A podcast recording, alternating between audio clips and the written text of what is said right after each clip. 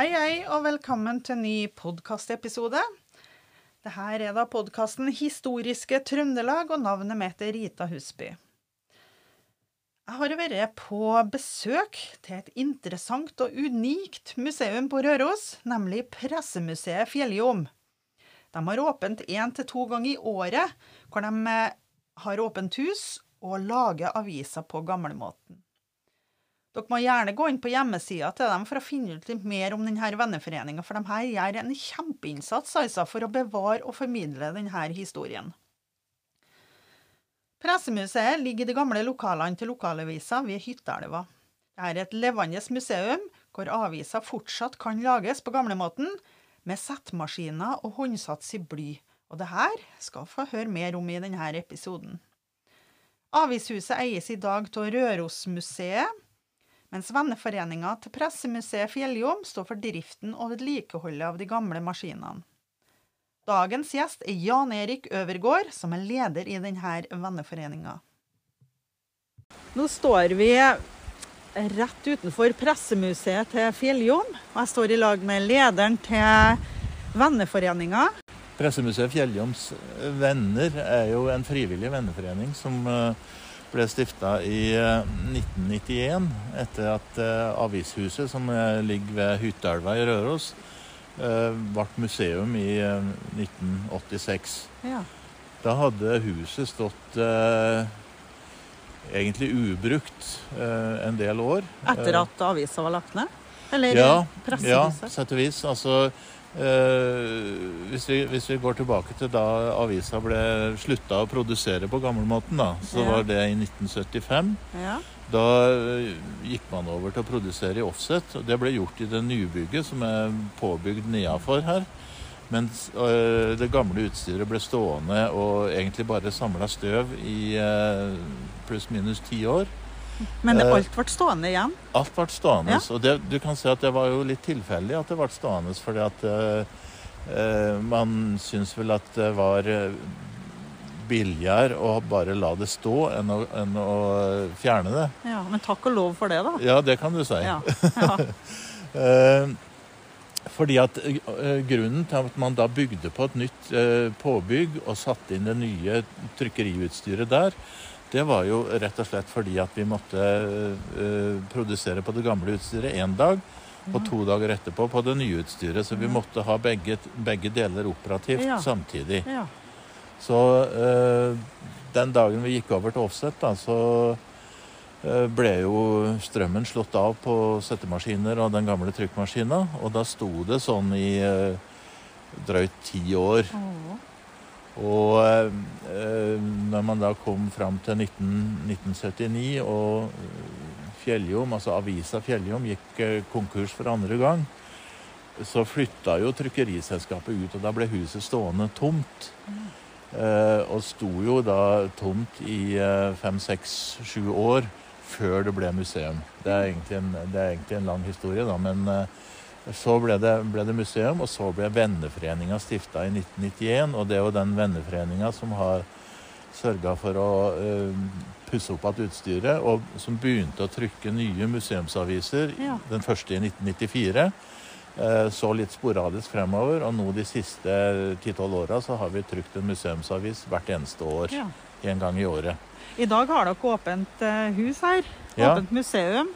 Og nå holder dere på å trykke avis, eller? Eh, vi skal ikke trykke noe avis i dag, for det gjør vi på høsten. Ja, i september. Ja. Vi, vi, trykker bare én avis i året, i motsetning til når vi drev ordentlig avis. Da trykka vi tre eller fire aviser i uka. Ja. Så man kan jo tenke seg liksom hvor, eh, hvor, krevende det på sett og vis var da, med tre-fire typografer og én redaktør og én journalist som skulle lage lage så mye aviser. Nå er vi jo en 15-20 eh, mann som holder på et helt år for å få til avis. Det er klart, Vi jobber ikke, vi jobber ikke fulltid, men det her, det her, er jo frivillig eh, dugnadsinnsats fra de folka som er her. Og det er jo interesserte folk som kommer fra hele landet, som samles her da to til tre ganger i året, og som da eh, lager avis.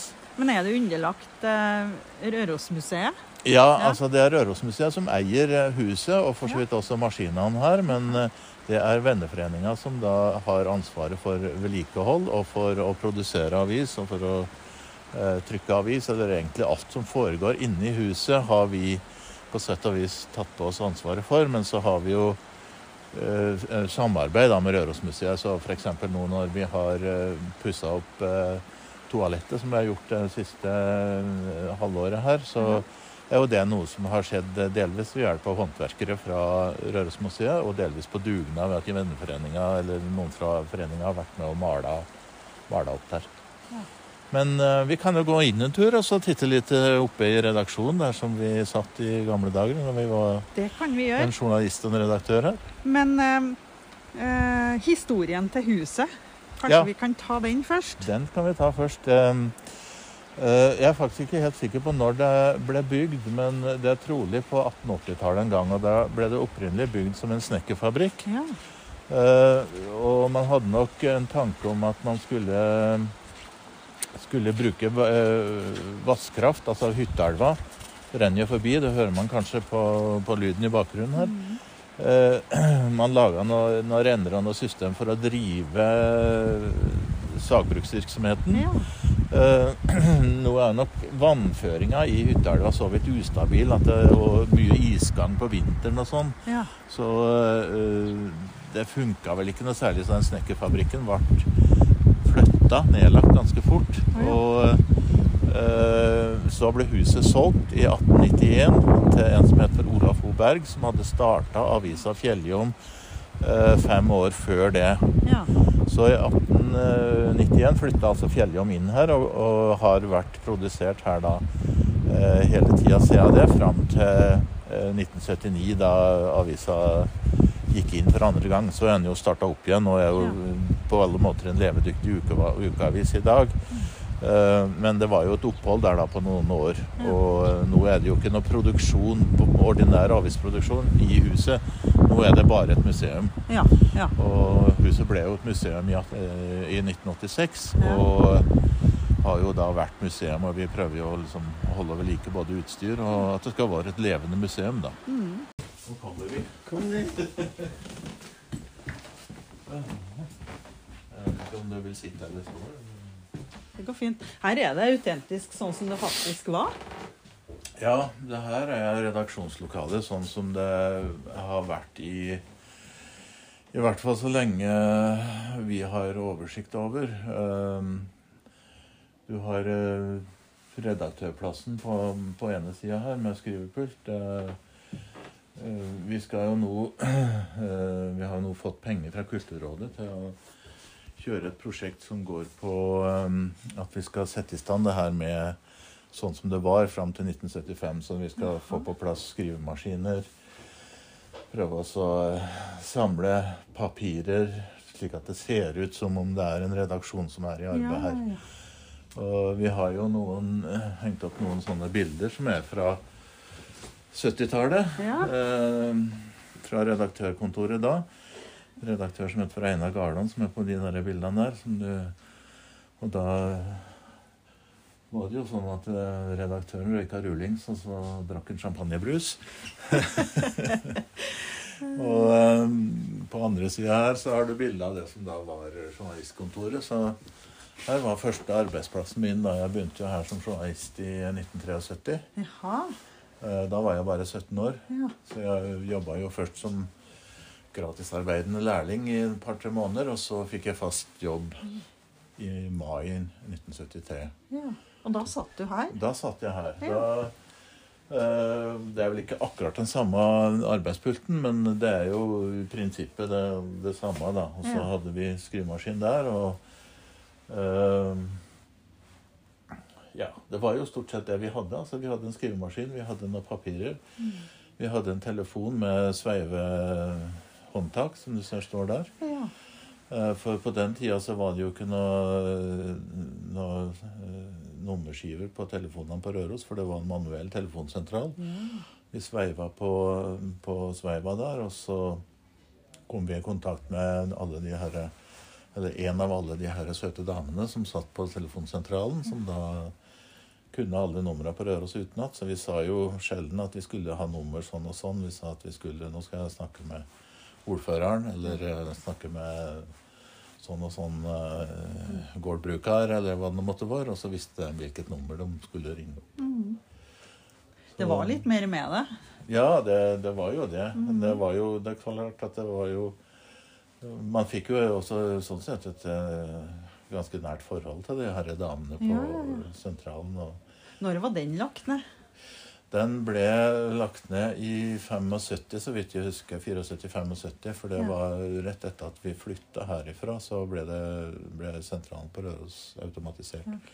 Så da fikk man uh, sånne nummerskiver og Mm.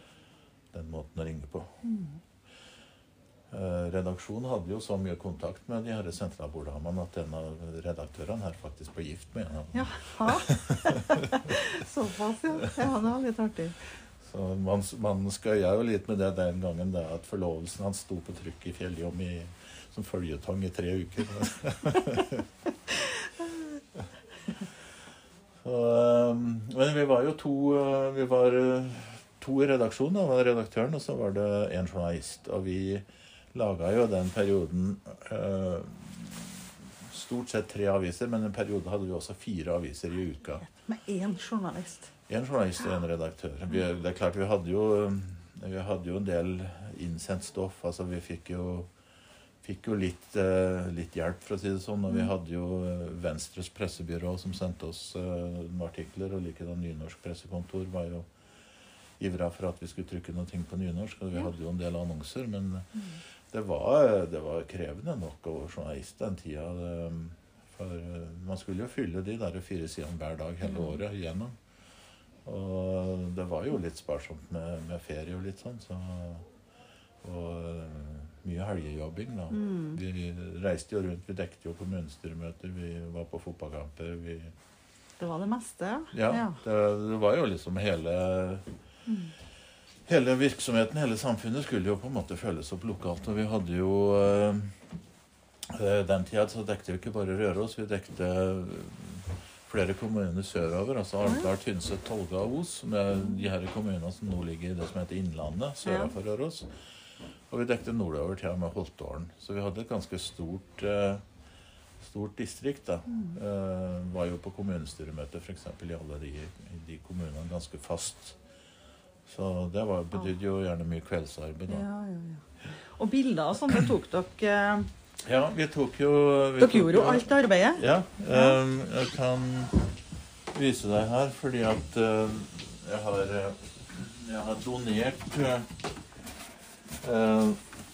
det gamle fotoutstyret mitt Oi! til museet. Så det skal vi også prøve å få, få stilt ut her, da. Ja. Uh, Det var jo Den gangen så var det jo Nikon som gjaldt for dem som ville bli ordentlige fotografer.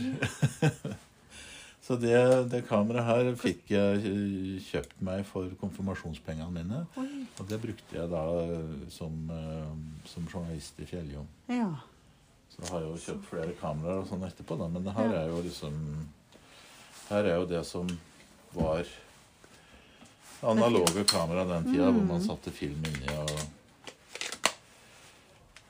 Og da hadde du gått i lære her i forkant, eller hadde du uh, nei, altså Når det gjelder fotograferinga, så var jeg jo var jo sjøllært, kan Ja. du si. Eller altså, Vi var jo en gjeng som hadde noe, noe mørkerom og litt fotoutstyr, og vi drev og tok noen bilder og litt sånn. Men så lærte jo det som alt som hadde med journalistikk å gjøre, eh, sånn gradvis eh, etter hvert som jeg begynte her, da. mm. Jeg var jo må vel innrømme at jeg var litt sånn skolelei og sånn, så det var jo greit også å komme ut i arbeidslivet i stedet for å, stedet for å gå skole. Så jeg, jeg prøvde meg litt som privatist eh, for å ta artium, men det skar seg jo fort, så jeg ble, begynte å jobbe i stedet. Ja. Eh, når det gjelder bilder ellers, så framkalte vi jo filmen sjøl her, og vi hadde mm, mørkerom på bakrommet. Det oh, ja. Det ble tatt ned, så det skal vi prøve å rekonstruere nå. Ja, så vi skal, samme- få, ja, skal få satt opp at det er sånn som det sto der opprinnelig. Og um, gjenskape da hele, egentlig, hele redaksjonen så godt det lar seg gjøre, slik at vi kan ta imot besøk f.eks. fra skole, skoleelever, så de kan Mm. få se hvordan man uh, kommuniserte i gamle dager, Mm. før man fikk internett og sosiale medier og alt mulig sånt. ja. Så Det var jo, Da jeg satt her, så var det jo delt opp med en vegg her, da, så du hadde to separate kontor. Ja. Men den veggen ble tatt ned senere, så den lar vi vel egentlig bare være sånn. Men det er jo litt småtteri vi skal gjøre her, da, men det er ikke så veldig mye for at det skal bli, eh, bli sånn som det var, føler vi. Den første redaktøren, da. Hvem var det? Eh, Den første redaktøren i Fjelljom var en som heter for Olaf O. Berg. Han kom egentlig til Røros eh, og begynte som redaktør å trykke i den aller første avisa, som het for Fjellposten, Oh, ja. som ble starta litt tidligere. Hvor holdt han da? Eh, Da holdt han til litt lenger oppe i byen her. Oh, ja. Uh, var jo litt hva skal jeg si, litt mer sånn kummerlige og enklere lokaler. altså Da var det jo gjerne en to-tre mann som da laga avisa. Det uh, var vel bare én gang i uka og, og litt sånn. Men han Olaf Berg han var jo en veldig drivkraft i, i avismiljøet og var jo radikal. Han hadde liksom tanker om samfunnet og, og uh, gikk litt videre enn det avisfolk tradisjonelt gjorde på den tida. Så han røk litt uklar med, med Fjellposten, så han starta sin egen avis, Oi. Fjelljom. Og Fjelljom var så radikalt til langt inn på 1900-tallet at eh, arbeiderbevegelsen fant ikke noen grunn til å starte sin egen avis på Røros, fordi at Fjelljom som venstreavis var mer enn radikal nok. I stedet ble, det starta en konservativ avis som het for Dovre, Jaha. som motvekt mot uh, Ja. Olaf Berg da, og, og hans radikale syn på samfunnet. Men det var mye maskineri som eh, han var avhengig av, han Olof Berg òg, sikkert. Det her Ja. var sikkert før strømmen kom. Det var jo, ja, det var jo det. altså Strømmen kom relativt tidlig på Røros. altså Å, ja. av Røros uh, kobberverk, som jo trengte uh, strøm altså til erstatning for hestekrefter, bokstavelig talt, da, i, i gruvevirksomheten. Så bygde man jo ut uh, kraftverk ganske tidlig. Og jeg vet ikke sikkert når man fikk strøm på trykkpresser og sånn, men, men det vi jo vet, er jo at den første settemaskina kom inn i huset her ca. 1920. Oh, ja. Og eh, da flytta man jo fra eh, Altså til å begynne med, før det så hadde man all produksjon i første etasje.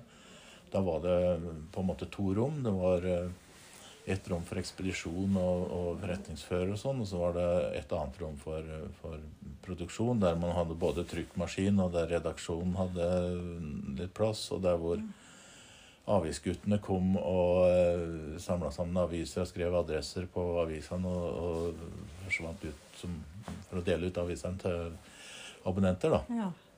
Men så rundt 1920 så, så kjøpte man settemaskin, som jo var en stor investering den gangen. Og uh, flytta redaksjonen opp i annen etasjen.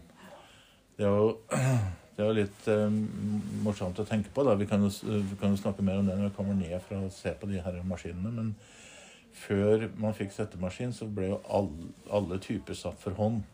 Én og én bokstav i hele avisa. Og man regna vel med at en sånn håndsetterske, for det var faktisk eh, tre damer som da hadde den jobben i Fjelljom, de satte sånn ca. 1200 tegn i timen. Inkludert den tida det tok også å legge av igjen, som man sier. Altså når man hadde trykt avisa. Så skulle jo bokstavene gjenbrukes, og de måtte tas av og legges ned i settekassa. De var rutinert, da. De var rutinert, men eh, når de fikk settemaskiner, så kom man opp i kanskje 5000-6000 Ja. tegn i, eh, I minutt- i, eh, timen. Mm. Ja. Men vi kan jo gå ned og titte på, titte på maskineriet. Det kan gjøre. Men du, Johan Falkberget, da. Vi må jo, ja, vi må jo si litt om hans betydning av Fjelljom òg. Altså, man kan vel si at eh, Fjelljom hadde større betydning for Falkberget enn Falkberget hadde for Fjelljom. Oh, ja. Eh, fordi at eh, da Falkberget var veldig ung Han hadde jo en forhistorie som vaskarus på gruven og litt sånn. Men han, han drømte jo om å bli skribent, og en av de, de liksom litt morsomme historiene med Falkberg er jo han som han sjøl har skrevet. da. Er og når han beskriver hvordan han kommer inn i det avishuset her, så ser han redaktørstolen. Og redaktøren er ikke der, så da går han dit og så tar han sjansen på å sette seg ned for å prøve redaktørstolen. Jaha. Og uh, sier at her så skal jeg sitte en gang. Og han ble jo, han ble jo faktisk eh, redaktør, men, men ikke, ikke, som sånn fast uh, Nei, okay. Eh, Han var relativt aktivt med etter krigen. altså Fjelljom ble jo stoppa i 1943. og Eh, kom ikke ut igjen før i 1945. Eh, og da var, var Johan Falkberg med som en av redaktørene. Og Falkberg var jo arbeiderpartimann, han satt jo på Stortinget for Arbeiderpartiet. Mm. Men sto nok allikevel nærmere Fjelljom som kulturorgan enn en sin egen partipresse. Han var jo redaktør i andre partiaviser, faktisk andre steder, men ikke på Røros. da. Så da sprang vi ned med manus da, og leverte det til, til Settung her. Ja. Og eh, da var det var stort sett én av de her settemaskinene som, eh, som ble brukt. Eh, vi har, jo, vi har jo fire settemaskiner i huset nå som er operative. Si altså som kan brukes. Jaha. Så at vi har to-tre delemaskiner som vi har stående på lager. Uh, de her maskinene her er jo av amerikansk fabrikat. De første ble laga på 1880-tallet. Uh, men det gikk nok en uh, kanskje 15-20 år før de kom til Norge i noe særlig omfang. Og den første som kom i hus i Fjelljom, da kom jo her ca. 1920. Ja. Og ble nok formodentlig kjøpt uh, brukt. Det var jo, var jo ganske stor investering da med de her, de her settemaskinene, men samtidig så var det jo en utrolig forbedring av uh, produktiviteten, hvis en tenker på den derre håndsatsen mm. som uh, hvor, du, hvor, en god håndsetterske kanskje kunne komme opp i 1200 tegn i timen, så kunne man da på en sånn maskin Kanskje greie 5000-6000 tegn i timen. Enorm utvikling, det, da. Ja. Men det er store det maskiner. De ble vel bygd opp når de først kom inn i hus? Eh, jeg vil anta at de kom inn i deler, og at de da ble satt sammen eh, etter at de kom i hus. Vi har faktisk eh, tatt inn en maskin hel i det lokale, det nye påbygde lokalet gjennom den dobbeltdøra. men det var liksom en ny og neppe at det gikk an med en moderne gaffeltruck og litt sånn, da. Så eh, det hadde man jo ikke på 1920-tallet, så da kom de nok i litt mindre deler. Skal vi høre kanskje om eh, noen har lyst til å si litt om, eh, ja. om settinga? Gjerne det. Eller er det at du tar dette her kan du bli med oss og vise settemaskinen? Ja. Og forklare litt. forklare litt, ja. Mm, mens du viser det, så vi får det på opptak. Det er Jens Hystad, da, som er uh, nestleder i uh, Pressemuseet Fjelljoms Venner, og som har vært ja. uh, aktiv dugnadsmedlem i over 30 år. Yes. Ja. Kom her til for første gang på Røros i 86 Jaha. og hadde møte om akkurat dette huset som da var i ferd med å forsvinne. Ja. Da redda vi det, og så har jeg vært her siden, holdt jeg på å si. Yes.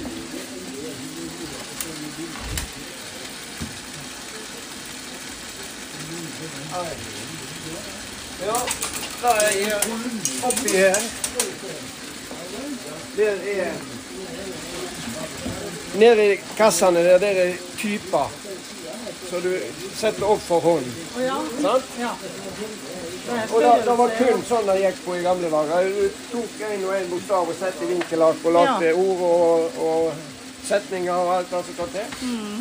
Så i 90 ja, Vi begynner vel i begynnelsen på århundreskiftet. Ja. Så fant vi opp disse feltmaskinene. Mm.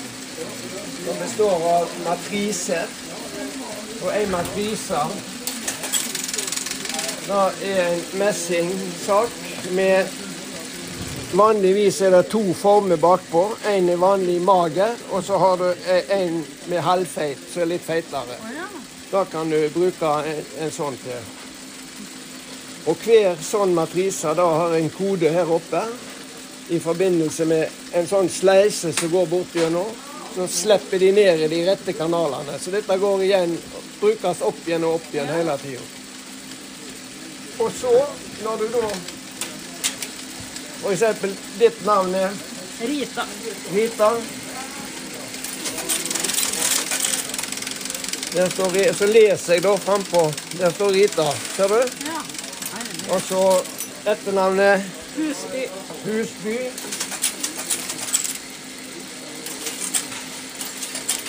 Sånn. Yes. Og du bor på I Skaun. i Skaun. Skaun. Ja. S-K-A-U-N. Skaun. Det er Trøndelag igjen. AU, da. Ja. N. Skaun. Ja. Det stemmer. Ja, Rita Husby Skaun. Ja. OK? Og da skal jeg eh, sende den til støyping, men da har jeg ikke fulgt opp denne, denne linja. Da må jeg ha blindmateriell ned. For den må være helt full. Helst så kan jeg få et såkalt sprut. For oppi her der er en blanding av bly, antimon og tinn. Ja. Og eh, det er 280 grader. Oi. Og da stempelet det. Når jeg sender dette til støyping, så skjer det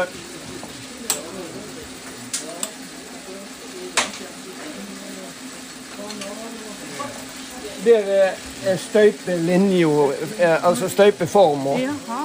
Og da hjulet da svinger seg opp her til mot de matrisene der som står i front på utgangspunktet på den. Og så trykker da stempelet der ned blyet ut i en støypemunn bakom her.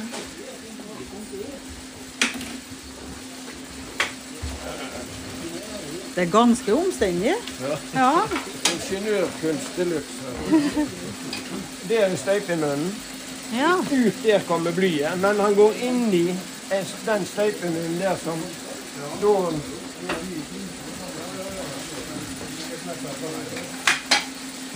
Da hjulet snur seg opp her, og i fronten der er disse matrisene som jeg da skal sende bort. Så trykker da blyet seg igjennom, og det er så kraftig trykk på at det storkner liksom med en gang. Det er en prosess der. Og så er det da Og da er det Det herdes fort, det der, Ja da. da. Og så Når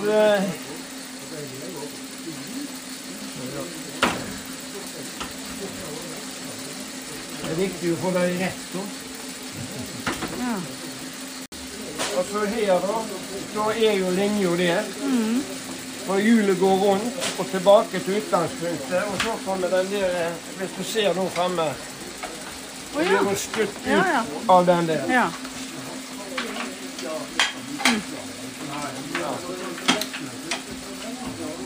Så skal vi prøve. Yes.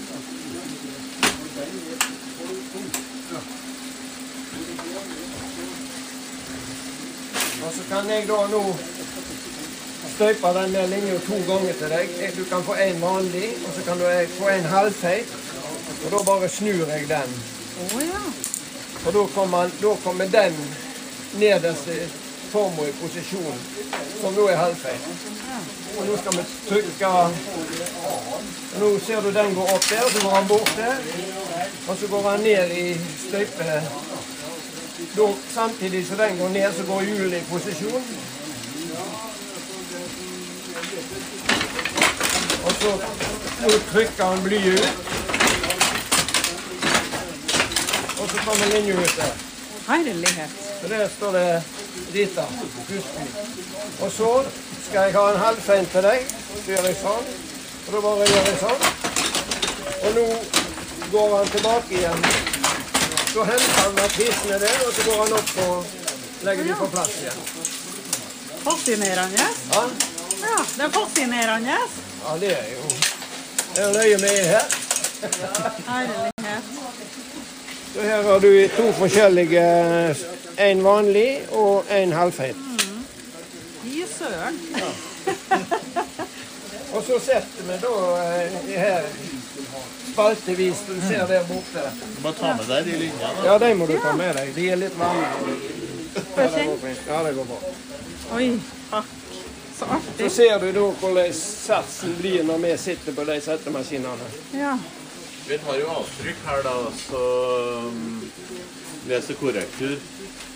Og har de, har de gjort noe feil, da, så må de jo skrive om igjen. Da. Ja, Ja, da ja, må vi jo eh, Korrektur er viktig. ja. Vi får noen dobbeltslag og sånt. Og man, av og til ja. ja. er jo gamle maskiner, så Ja, ja. det, det er ikke helt topp hele tiden. Nei. Da, da ser du at man, man jobber med sidene opp ned. Ja. Du har toppen på sida mot deg, for da kan du lese fra venstre mot høyre. Det er jo, oh, ja. Alt er jo speilvendt Ja, ja, her, da. Og det er lettere å lese opp ned, for da får du lest fra venstre mot høyre. Og når man jobba på den måten her, så ble man etter hvert ganske flink da, til å lese speilvendt ja. opp ned. Eh, du kan jo prøve å se hva som står der. Et unikt uh, uh,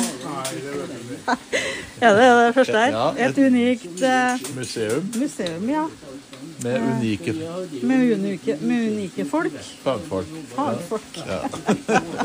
Nei, det er sikkert en treningssak, ja. Ja, det er det definitivt. Det er klart at når man var ung, så kunne man også lese tolvpunktsskrift speilvendt, sånn som det er i, eh, i satsen her. Men Ja. Eh, Så her leser du ganske enkelt, du, da. nei, jeg gjør ikke det nå lenger, da. Jeg, jeg leste når vi holdt på her eh, og jeg var eh, 17-18 år. Da hadde man jo syn til det, men eh, eh, det som jeg syns er eh, er litt imponerende, er jo de der damene som satt og håndsatte den typen sex. da. For de måtte jo-. Ja, for de måtte jo kunne lese. Ja, ja, ja. Så når de her sidene her er ferdig Det er jo liksom like før vi er ferdig her nå, for det er jo, ser jo at nesten, eh, de er nesten fylt opp. Ja. Side 1 og side 4. Så blir de tatt med inn i eh, trykkeriet. Jaha. Her er trykkeriet, altså. Det her er trykkeriet. Nå får vi ikke kjørt trykkpressa fordi at uh, Her ligger det klart til Ja, her ligger, eh, her ligger sida montert fra når vi trykte i september i fjor. fjor. ja. Så det her er side to og tre i den avisa som vi laga i fjor. Og um, har vi plukka av at uh, det som kalles for matriser da, på en del av de her, så ser vi at det er sånne Ja. blanke, eller sånne treklosser hvor, hvor det opprinnelig har vært påmontert bilder. Og når den her trykkpressa går, da, så går jo den her forma her går jo fram og tilbake innunder de valsene Ja. som det tilføres sverte på. Så sverte fylles på oppi her. Aha. Og så øh, trekkes jo den ned, og så spres på på øh, sideforma. Altså all skrifta og bildene er jo heve seg opp over underlaget. Ja. Og så er det pressluft da, som henter papiret oppe på brettet der, og så trekker det ned. Og så kommer avisene ut igjen på baksida her. Men hvor gammel er denne eh, trykkemaskinen her, da? Den her skal visstnok være fra 1946. Den, det er en italiensk uh, produksjon, og vi har um, akkurat greid å få tak i uh, bruksanvisningen, men den er dessverre på italiensk, da, så nå må vi lære oss italiensk. Ja, og det er jo et falseapparat her, da, som når vi trykker andre gangen altså Man trykker jo først ene sida, og så snur man bunken. Ja. Og så trykker man eh, side to og tre. Og da eh, tar man bort den klossen som står under kniven der, og da vil avisa bli falsa, og så kommer det ut da, sånn som du ser den bunken ligger der, med bretta to ganger. Ja. Så du kan jo få med deg en avis. ja, takk. Det er en omstendig prosess, egentlig, da. Ja, Tusen takk. det er jo litt mer omstendelig enn å publisere et eller annet på Facebook, da. Ja, det er det. Både når det gjelder bilder og tekst og hva det måtte være. Ja. Så er det liksom ikke bare å trykke på en knapp, og så er det ute i verden. Eh, Men sånn, sånn var det. Lage avis. Ja, ja. Ja. Og det var det rundt omkring i Altså, Den måten å lage avis på som vi fortsatt kan gjøre her, det var jo, det var jo den vanlige måten å lage avis på fram til ja, rundt 1970-1975. Eh, da var det fortsatt var det jo blyproduksjon i, i eh, så godt som alle aviser. Overgangen til offset, altså en mer moderne produksjon, skjedde jo på 1970-tallet. Mm. over flere år, da. Fins det noe tilsvarende museum i Trøndelag? Det gjør kanskje ikke Det fins eh, sannsynligvis ikke noe tilsvarende museum i Europa. Oh, Er det såpass unikt, ja? Så det finnes, eh, det finnes trykkerimaskiner som står rundt omkring, og det finnes en og annen settemaskin. Men det finnes da ikke noe komplett produksjonslinje for bly, sånn som det vi har her. Som da fortsatt er operativ, og som da er slik som det var da det faktisk ble produsert. For her det unike her er jo at huset er bevart, maskinen er bevart. Så um, sånn sett så mener vi jo at det her er så litt unikt at det burde da uh, være rom for å uh, lage et slags nasjonalt museum ut av det. Eh, Foreløpig så har jo vi i venneforeninga gjort vårt beste da for å gjennom dugnad og sånn holde det ved like og, og få det, få det, holde det operativt. Men nå har vi fått uh, noen midler fra Kulturrådet. Å, 120 000 kroner som vi skal bruke primært på å sette i stand annetasjen, slik at vi får et komplett førdigitalt avishus. Det vil altså si at vi får en redaksjon med mørkerom og skrivemaskiner og de tinga som var der, Ja. eh, som kan vise liksom hvordan uh, man lager avis hele veien, da, fra redaksjon og så ned i første etasjen, hvor det er teknisk avdeling med settemaskiner og trykkmaskin, og ut som ferdig produkt, slik at vi kan vise hele produksjonsgangen. Ja, ja. Og da er vi rimelig sikre på at vi er unike, i hvert fall i europeisk sammenheng. Det er mye dugnadstimer som ligger foran dere. da, hører jeg. Ja, vi, eh, vi legger vel ned sånn mellom 800 000 dugnadstimer i året. Så um, det er jo en veldig ivrig gjeng, da, som du sier. Men er det stort sett avisfolk? Det er veldig mange som har, eh, har bakgrunn fra avis Ja. eller trykkeri. Ja. Eh, De aller fleste har egentlig det. ja. Og så er det noen få som da har kommet inn som er litt yngre, som har litt bakgrunn fra litt andre miljøer. Eh, Vi har eh, en eh, førsteamanuensis fra Kunsthøgskolen i Oslo som er her. Hun er den eneste i, i Norge som har doktorgrad på løse typer, som vi sier. Han forklarer.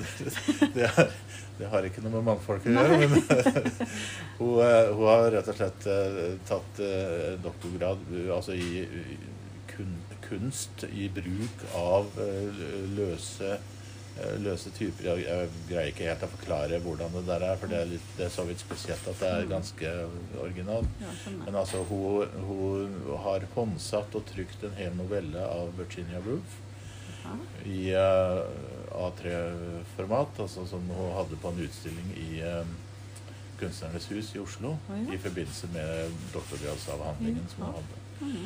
Og hun er nå vel en ressurs her i lag med dere? Ja, hun er en ressurs, og vi har jo eh, tanker om å få til et samarbeid da, med Mm. Kunsthøgskolen. fordi at eh, det er økende interesse for å bruke gammelt trykkutstyr i, i kunstneriske uttrykksformer.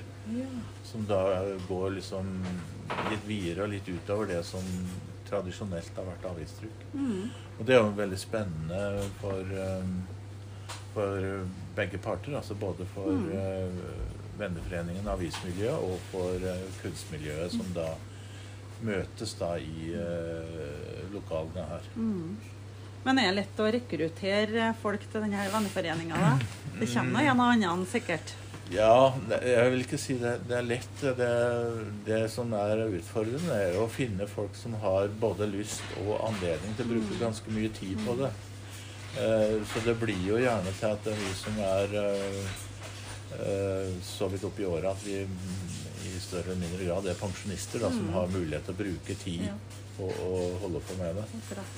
Så det Men sånn åpen dag som dere har i dag nå, Mm. er det én gang i året, det? Ja, vi har to eller tre ganger i året. I forbindelse med at det er dugnad, så pleier vi å ha åpen dag på lørdager. Og da kan folk komme innom. Og, Ja. eh, da har vi jo som regel litt besøk. Kanskje ikke så veldig mye, men nå skal vi jo prøve å få til et bedre samarbeid med Rørosmuseet, altså den eier huset, om, eh, om formidlingstiltak, som det så fint heter. Si at vi skal ha litt mer organiserte omvisninger og Ja. gruppebesøk og litt Ja, sånn. ja. ja men det blir bra. Ja. Du, Da sier jeg tusen takk for omvisninga. Det er bare hyggelig. Kjempeinteressant. Ja. Anbefaler folk til å ta en tur hit. Dere har kanskje ei um, nettside? Vi har en veldig fin nettside som heter fjell-jon.no. Ja. Eh, søker man på Pressemuseet Fjelljon på Facebook, så er vi også der. ja. Så eh, og det må jo folk da selvsagt gjerne gjøre. Og har noen lyst til å bli medlem i foreninga vår, så er det åpent for alle. Det koster 300 kroner i året, så det er ikke all verden. Nei. Så artig. Tusen takk. Bare hyggelig.